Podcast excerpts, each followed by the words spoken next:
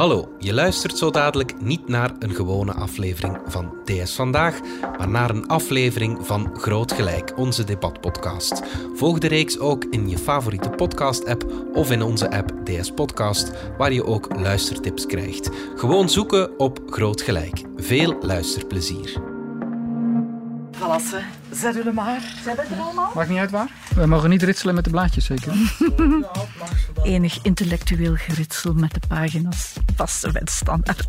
Dit is Groot Gelijk, een podcast van de Standaard, waarin twee redacteurs debatteren over een hot topic. Ik ben Inge Schelstraat, ik ben cultuurredacteur bij de Standaard. En ik ben Ruben Mooijman, economieredacteur bij de Standaard. De vraag die vandaag op tafel ligt: moet K3 diverser zijn? Dat zou fijn geweest zijn, ja. Studio 100 is een commercieel bedrijf in tegenstelling tot bijvoorbeeld de VRT, waar je wel zoiets kunt vragen. Ik ben Marianne Justaert. Groot Gelijk dat je luistert. Mag ik beginnen? Dit is Groot Gelijk. Vandaag ontvang ik collega's Inge Schelstraten en Ruben Mooiman. Welkom allebei. We gaan het hebben over K3 en de keuze voor alweer een blond meisje als derde groepslid. Logische keuze, denken jullie misschien? Ja, of is het net jammer dat een groep met zo'n grote impact voorbij gaat aan het feit dat de samenleving echt wel diverser aan het worden is? Kan een groot entertainmentbedrijf als Studio 100 zich dat in 2021 nog veroorloven?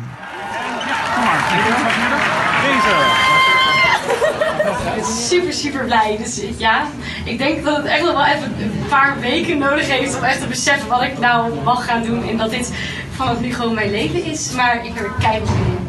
Bijna 23.000 kandidaten schreven zich in om het nieuwe K3'tje te worden. En twee derde van hen identificeerden zich als vrouw. Achteraf, bij de serieuze kandidaten, was zo'n 10 à 15 procent mannelijk. Dat zei Gert Verhulst achteraf in het laatste nieuws. En ik citeer, er waren slechts een handvol moslimmeisjes bij. Uit vier blanke meisjes werd eind november Julia gekozen.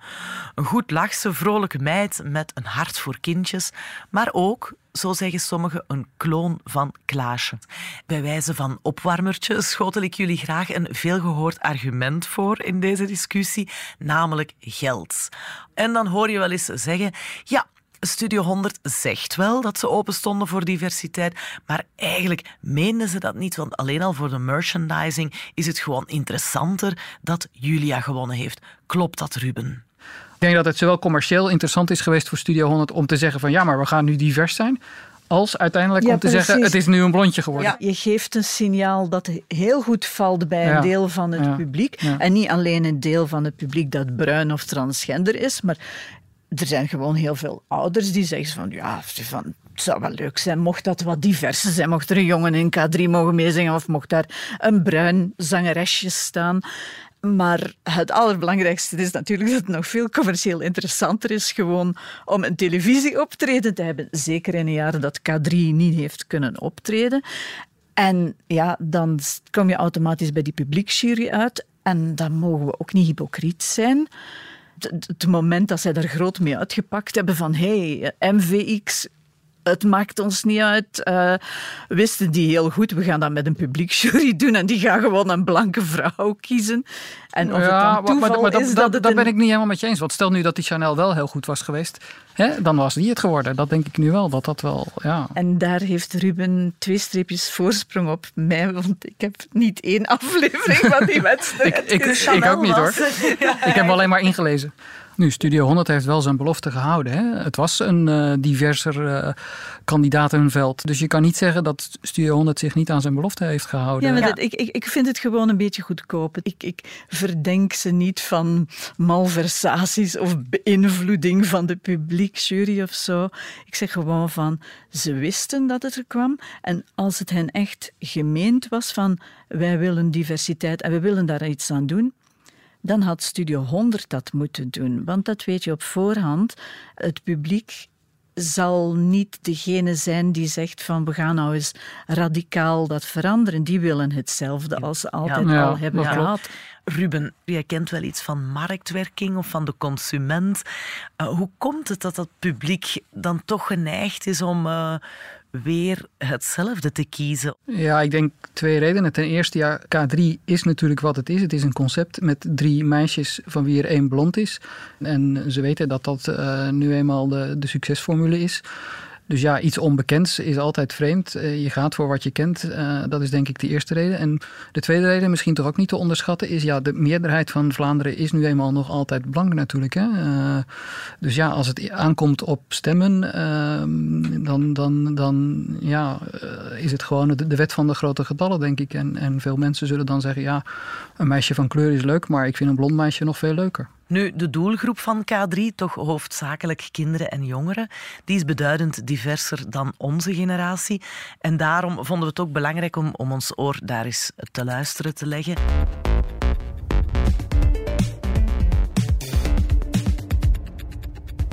Ik vind het een beetje raar dat alleen maar weer meisjes zijn gekozen, kiezen ze een keertje iemand anders. Dat zou wel speciaal zijn dat er een jongen of iemand die bruine huidskleur heeft.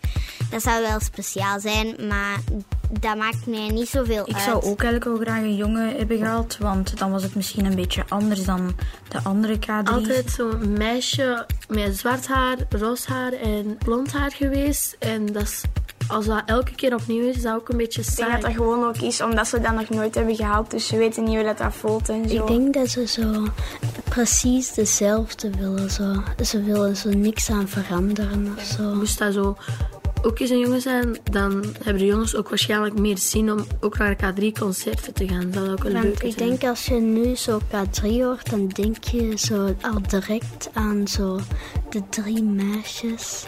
En dan denk je niet zo dat iets is veranderd. Wow. Die kleuters zijn wel minder conservatief dan ik dacht. Het zijn lagere schoolkinderen. Lagere schoolkinderen. Ja, ja zij, opvallend veel uh, kinderen die, die een jongen best wel zagen zitten. Hè? Ja, vooral de jongens waarschijnlijk. Vooral de jongens mogelijk. Maar allee, ik hoorde precies ook wel meisjesstemmen zeggen van het mag voor ons wel eens een jongen zijn. Ik ben er een beetje verrast door, want zoals Ruben net zei, uh, het publiek is meestal conservatief en niet echt happig op verandering. Ik denk aan de periode toen wij in de krant opeens uh, in de standaard regiopagina's introduceerden. Toen we dat op voorhand voorlegden aan een lezerspubliek, waren er veel mensen die zeiden, ja, ik vind dat niet nodig, uh, dat is gek, standaard moet dat niet doen, jullie zijn een nationale krant. En toen deden we het en in de eerste week waren alle reacties zo positief van ja, eigenlijk, eigenlijk was dat wel heel goed. En dat heb je heel vaak. Als je mensen theoretisch iets voorlegt, dan zeggen ze heel vaak, nou, toch maar niet.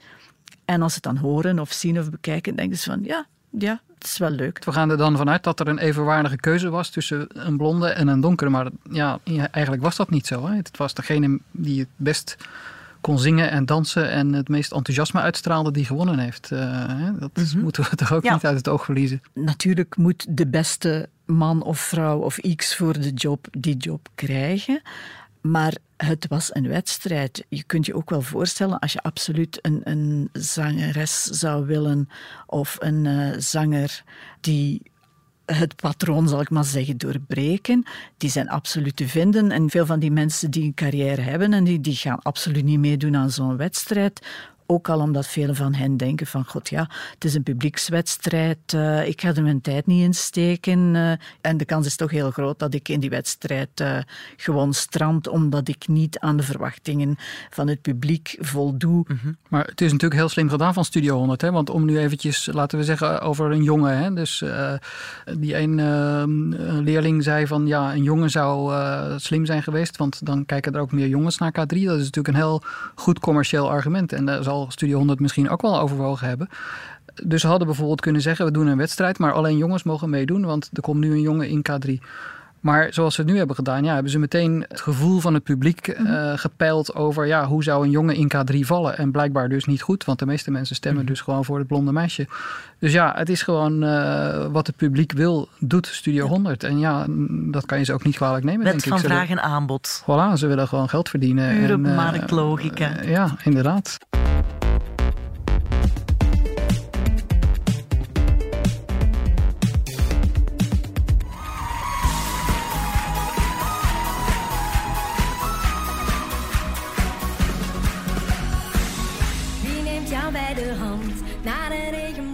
Dat brengt ons bij de volgende vraag.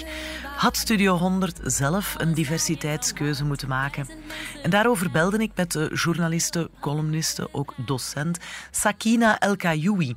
En zij schreef zes jaar geleden bij het programma K3 zoekt K3 een uh, opgemerkte column met een oproep voor een meer diverse samenstelling van de meidengroep dat we vandaag over net hetzelfde discussiëren, dat roept echt wel vragen op, zegt ze. denk ik, Studio 100, waar waren jullie dan de afgelopen tijd? Ja, Sakina blijft ontgoocheld achter als fan, grote K3-fan, maar ook als specialist inclusieve media en populaire cultuur. De jongere Sakina zou, denk ik, het niet veel uitgemaakt hebben destijds als ik jong was. Maar ik denk in mijn latere proces heeft het veel ongemakken kunnen vermijden uh, als die personen er wel waren.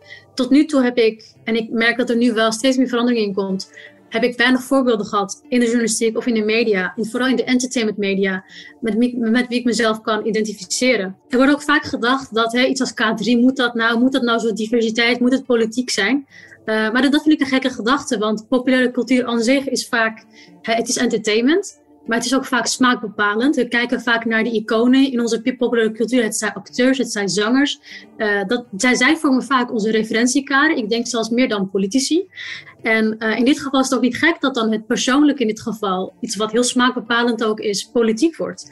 Um, ik geef het ook altijd aan, zeg maar, aan, aan mijn studenten mee. Uh, hè, als mediamaker ben je ook beeldbepaler en ook smaakbepaler. En daarom is het ook heel belangrijk dat die mensen er zijn, van verschillende achtergronden, afkomsten, religies, geaardheden, noem het maar op. De jonge Sakina die besefte dan op latere leeftijd dat ze als kind wel graag een rolmodel zou hebben gehad. En ongeveer hetzelfde zei Chanel, die hier ook al genoemd is, de kandidaten. Nu, het is niet de eerste keer dat we zoiets horen. Hè? Ik, ik weet dat mijn neefje, toen hij een jaar of vijf was, echt gebiologeerd naar een of ander stom programma zat te kijken. En dan was het zo van, uh, wat is er jongens? Van, die is bruin zoals ik. vond die, die kleine echt geweldig. En, en dan dacht ik van, oh, dit is, dit is voor die kleine is dat echt een ontdekking van, ik zou ook op televisie kunnen komen, ik zou acteur kunnen worden als ik dat wilde. Heeft Studio 100 een, een soort van maatschappelijke verantwoordelijkheid verantwoordelijkheid? Moet het bedrijf zich meer bewust zijn van zijn uh, ja, maatschappelijke of zelfs educatieve rol? Ja, dat is een moeilijk debat natuurlijk. Wat uh, uh, Sakina daar beschrijft, is eigenlijk het realiseren van een maatschappelijk doel. En natuurlijk, het realiseren van maatschappelijke doelen is iets dat de overheid voor haar rekening moet nemen en niet zozeer het bedrijfsleven. Ehm, bedrijven ja, zijn in principe uh, in eerste instantie geïnteresseerd in winst maken en pas in tweede instantie in uh, wat is onze rol in de samenleving. Nu, dat verandert wel de laatste jaren. Hè. De rol in de samenleving wordt steeds belangrijker, ook voor commerciële bedrijven. Gewoon omdat, ja, omdat ze uh, niet kunnen doen alsof de samenleving om hen heen niet bestaat. En ze maken daar natuurlijk deel van uit. Dus in die zin is er wel een punt te maken. Aan de andere kant kan je zeggen van ja, overheidsbedrijven zoals de VRT, uh, die moeten daarin voorop lopen. En uh, bedrijven die puur commercieel zijn en ook geen overheidssteun krijgen, zoals Studio 100, ja, hoeven zich daar in principe niet om te bekommeren. Akkoord, Inge? Um, voor een deel wel, ja. Niets moet, niemand moet. Maar als je dan in praktijk kijkt, uh, welke liedjes zingen K3? Zelfs al is dat een mogen we wel zeggen, vrij commercieel product van Studio 100. Die zingen wel liedjes als Alle kleuren van de regenboog, waarin ze dus een, een aantal maatschappelijke thema's al ja. uh, aanbrengen. Bedenk eens hoeveel nieuwe betekenis zo'n liedje zou krijgen als daar inderdaad een, een bruine zanger of zangeres mm -hmm. uh, zou tussen staan.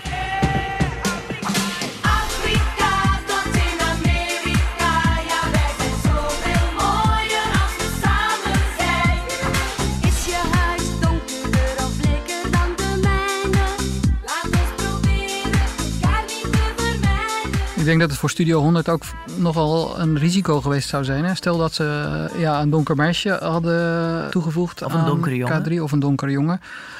Het zou natuurlijk kunnen dat, dat ze daardoor in een maatschappelijke discussie terecht zouden komen. Die kans is zelfs uh, vrij reëel, uh, waarin ze eigenlijk helemaal niet uh, willen terechtkomen. Ja. Hè? Studio 100 ja, houdt zich natuurlijk heel ver van politiek af. Ja.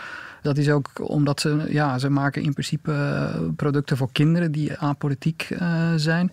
Dus ik kan me heel goed voorstellen dat Studio 100 zegt: ja, maar wij gaan hier niet een voortrekkersrol spelen waarin we het risico lopen om in een storm terecht te komen waar we helemaal niet beter van worden. In die storm zijn ze dan toch een beetje terechtgekomen, want toen de finalistes bekend werden, waren er proffen van de universiteit, zoals Sophie van Bouwel van de UGent, die spraken van een gemiste kans. In 2021 kun je het volgens hen niet meer maken om niet representatief te zijn. We zijn vandaag zo gevoelig voor zaken als zwarte pieten, standbeelden van mensen die een fout palmares hebben, het bijsturen van witte privileges uit het verleden enzovoort. Moeten we dat dan niet doortrekken tot in K3? Is dat een goede vraag? Zijn we dat? Ik vind, eh, ik vind dat absoluut niet. Zijn we wat? De zijn, zijn we daarvan bewust en zijn we dat aan het veranderen? Ze van, uh, we vinden het wel lekker dat de Chinezen zoveel braver zijn dan de moslims in België. En dan zitten we die Chinezen te zeggen van hé, hey, jullie mogen echt opkomen voor wie je bent. Mhm. en, en dan steken die arme Chinezen even hun teen in het koude water om te kijken van en dan zeggen ze van ja, ik vind, ik vind die grap toch niet zo grappig. En krijgen ze de hele maatschappij over zich heen van als dat al niet meer mag. En, en ik vind het ook een stomme grap, maar ik moet hem wel kunnen vertellen. En nu gaan die fucking Chinezen... Nee, come on. Ik vind helemaal niet dat onze maatschappij heel erg bewust aan verandering werkt. Maar je ziet toch bijvoorbeeld hier ook, zelfs, eh, of niet zelfs, maar wij doen toch ook ons best om diverser te worden op de redactie. Hè? Dus ja, er, zijn toch, er is wel een veranderende sfeer eh, in de samenleving. Maar doen wij dat uh, om een voortrekker te zijn, of doen wij dat omdat we hebben vastgesteld dat we belangrijke invalshoeken van het nieuws aan het missen waren. Ja, ik denk allebei. Maar dat laatste is ook heel belangrijk, want dat bewijst juist. Oké, ook omdat je ondervindt, als je met een redactie zit die te uniform is, waar bijvoorbeeld alleen witte vijftigers van een bepaalde sociale klasse in zitten, dan, dan mis je gewoon bepaalde delen van wat je moet berichten. Dan mis je gewoon onderwerpen waarover je lezers willen lezen. Tja, heb je het hier over een welbepaalde redactie? heb ik niet gezegd de standaard? Hoe denkt Studio 100 er nu zelf over? Kijk, er zal altijd kritiek zijn, zeggen ze daar, maar de selectie is op geen enkele manier beïnvloed. Ze vinden dat zij niet de afspraak met de geschiedenis gemist hebben, maar wel al die jongens en meisjes die een verschil hadden kunnen maken en die zich niet hebben ingeschreven. Dit zijn de woorden van Gert Verhulst in het laatste nieuws. We stonden echt open voor iedereen. Maar als er vier meisjes in de finale stonden, kwam dat uitsluitend doordat zij de beste vier kandidaten waren van de 23.000 die zich hadden aangemeld. Bij een enquête onder duizend Vlamingen en Nederlanders zal een grote meerderheid een meisje verkiezen. Omdat we nog niet klaar zijn voor verandering? Nee, omdat we al jaren van K3 houden en dat is nu eenmaal een meisjesgroep. Dat heeft met tijdsgevrichten of diversiteitsdiscussies allemaal niets te maken. Hadden we dan blonde meisjes moeten discrimineren? Daar kan ik moeilijk achter staan. Het zou interessant zijn om te weten hoe uh, de marktonderzoeksafdeling van Studio 100 denkt over eh, het appeal van K3 bij jongens en bij de stedelijke eh, gemeenschap met een eh, migratieachtergrond. Hè? Want ja, ze moeten daar dan een afweging maken.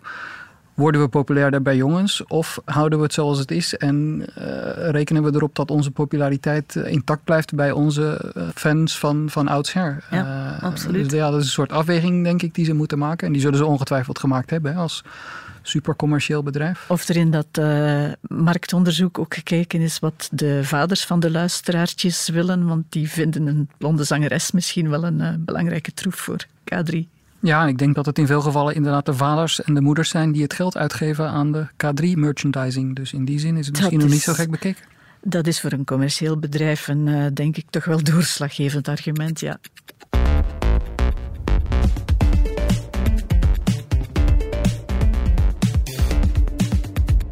Laten we eens inzoomen op een argument dat uh, vaak gebruikt wordt in dit soort discussies: positieve discriminatie. Vroeger sloeg het vooral op vrouwen. Nu hoor je het ook wel al vallen in de K3-discussie. Mensen zeggen dan: het moet vooral de beste zijn, niet per se de meest diverse. Maar snijdt dat eigenlijk hout, dat argument, Ruben? Wat vind jij ervan? Wel, onder arbeidsmarktdeskundigen wordt daar veel over uh, nagedacht en, en gesproken. Positieve discriminatie, dat is dan over het algemeen wordt daaronder verstaan. Bij twee gelijkwaardige kandidaten kiezen we de kandidaat waarvan we er het minste hebben. Dus bijvoorbeeld vrouwen of bijvoorbeeld uh, mensen met een migratieachtergrond. Sommige mensen zijn daarvoor omdat je op die manier bestaande ongelijkheden sneller kunt verminderen of, of wegwerken.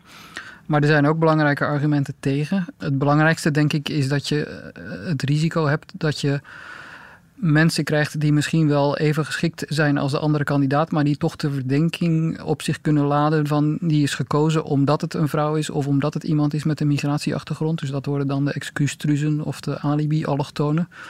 En ja, daar schiet natuurlijk niemand iets mee op. De betrokkenen niet en het bedrijf ook niet. Dus dat, dat fenomeen wordt gezien als een belangrijk nadeel. En een ander nadeel, misschien nog wel belangrijker, is dat het eigenlijk een beetje een cosmetische operatie is die achterliggende structurele oorzaken verdoezelt. Hè? Je kan zeggen, ja, als bedrijven geen vrouwen eh, op topposities zitten, hoe komt dat dan? Wat is dan de structurele uh, reden waarom ze dat niet doen? En kunnen we daar dan niet iets aan doen?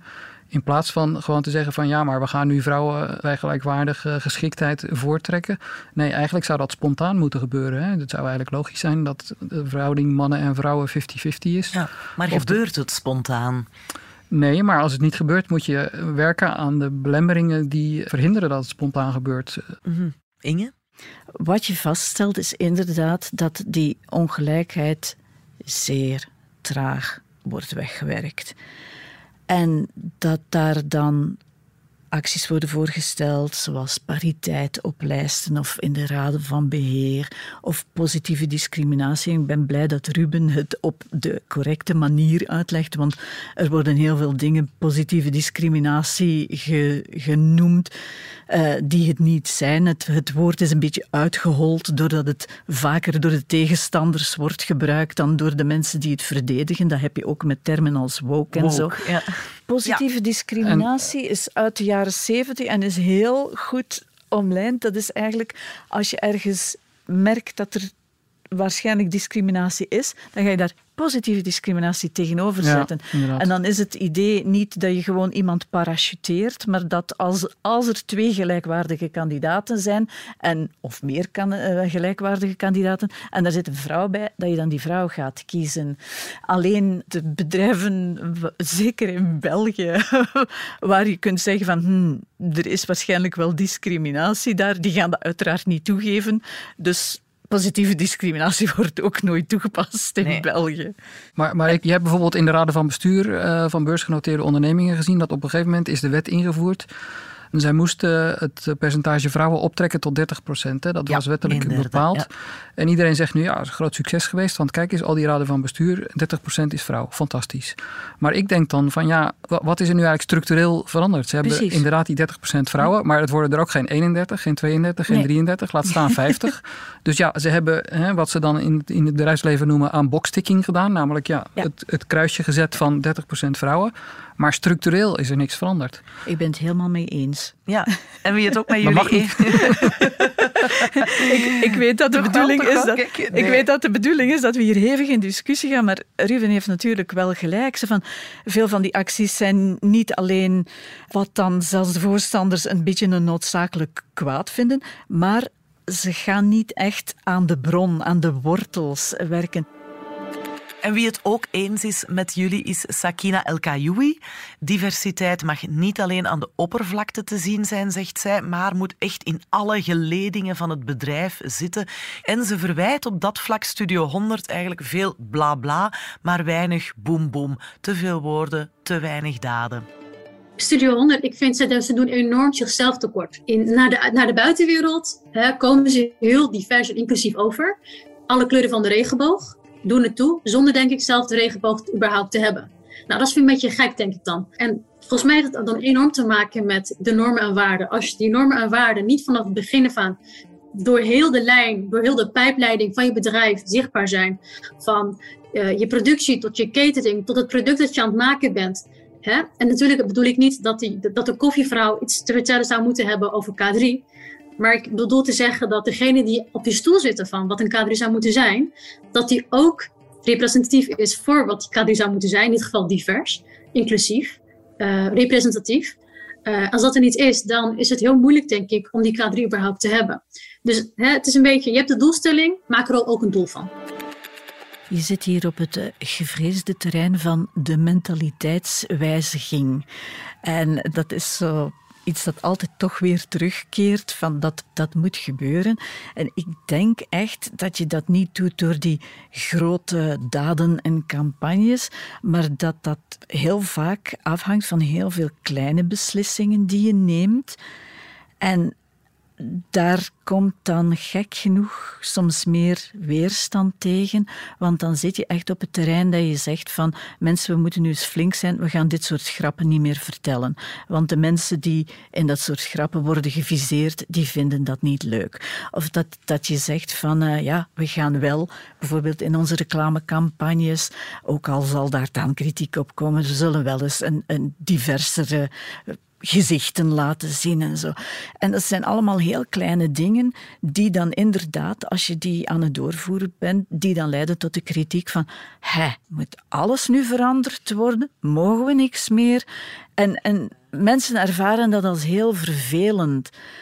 Terwijl, ja, je moet aan de basis kunnen beginnen voor er een nieuwe generatiekloof is en al je kinderen en kleinkinderen gaan zeggen van... Uh, Vind jij dat grappig? Ik denk dat je dat eigenlijk ook niet wil. Daarover gesproken, ook het publiek verandert. Hè? We hoorden de kinderen die Fien eh, geïnterviewd heeft. En ja, die, zij denken niet in termen van kleur of geslacht. Dan vraag je je af, gaat Studio 100 nog tien jaar lang kunnen voortdoen op deze manier? Zelfs de producenten van James Bond lijken zich dan niet meer te kunnen permitteren. Zij staan ook onder zware druk om die James Bond wat uh, aan te passen aan de huidige tijden. Ik denk dat je uiteraard niet je grote publiek van je moet vervreemden, maar je moet ook altijd constant op je kivief zijn. Je wilt niet op een punt komen dat een deel van je publiek zegt van en nu gaan we jullie boycotten. Want jullie zijn zo niet meer mee, we lusten jullie gewoon niet meer. Dat wil je ook niet als commercieel bedrijf, toch? Nee, uh, daarom wat ik net al zei, het zou heel interessant zijn om eens uh, een kijkje te kunnen nemen in uh, de afdeling marktonderzoek van Studio 100. ik denk dat Studio 100 ook een bedrijf is dat heel erg op buikgevoel werkt. En dan wou ik toch nog even naar het buitenland kijken ook, want Disney, Marvel, ja, zij doen het wel. Hebben ondertussen al een heel divers palet aan personages opgevoerd. Mm -hmm. Lopen wij hier nog wat achter? Ik vraag me af in hoeverre van, want heel vaak, die, bijvoorbeeld bij Marvel, lijkt het mij zo echt een lange lijst met personages die ze willen aftikken. En ik kan niet echt inschatten van hoe goed die personages dan zijn, of ze meer zijn dan de groep waar ze voor staan. Hoe doe je het? Want dat is minstens even belangrijk dan we doen het, we werken aan diversiteit. Exact wat ook Sakina, Sakina El Kayoui zegt.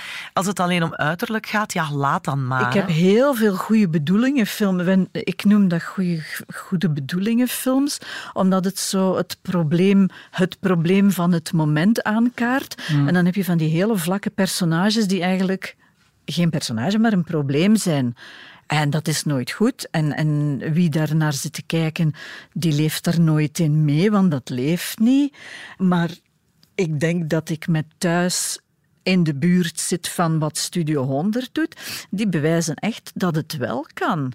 Toen die met hun Poolse loodgieter, nu denken we daar niet meer aan, maar toen die daarmee kwamen, ze van het Vlaams Belang was hevig bezig tegen alle Polen en Bulgaren die het werk van de Vlaamse bouwvakkers afnamen, wat niet eens waar was, want er waren duizenden Vlaamse bouwvakkers tekort.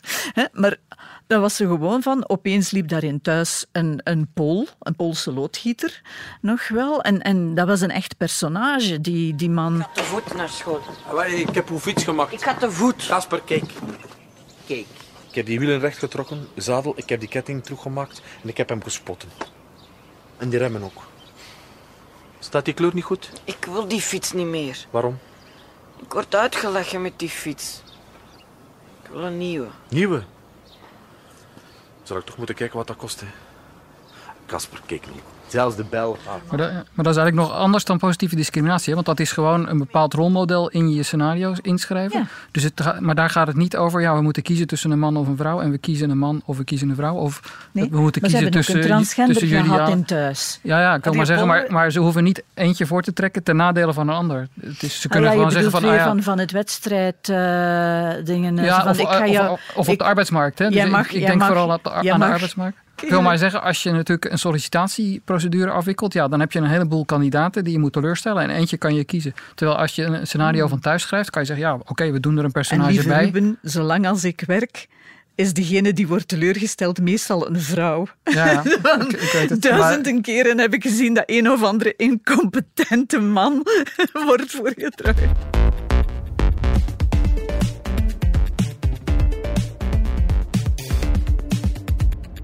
Heel kort nog.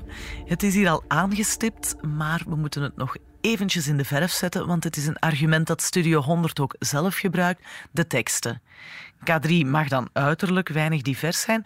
Ze hebben wel teksten over alle kleuren van de regenboog, een meisje dat brandweervrouw wordt, enzovoort. Hoeveel meer indruk zou zo'n tekst maken als alle kleuren van de regenboog? Daadwerkelijk ook op als podium die, als die ja. ook door, door Ja. een diversere groep werd, werd gezongen. Maar dat is nu al, hè. Dus eh, een zwarte, een blonde en een rode. Hè. Dus, ah ja, ja. voilà, kijk. Oké, ik bedank jullie heel erg hartelijk voor het fijne gesprek. Inge Schelstraten, Ruben Mooiman. Graag gedaan.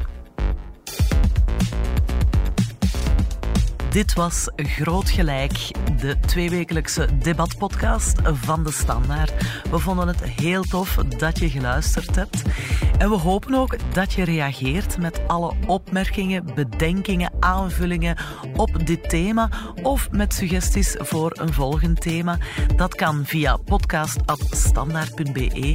Blijf vooral luisteren. We zijn er terug op dinsdag 21 december. Dag.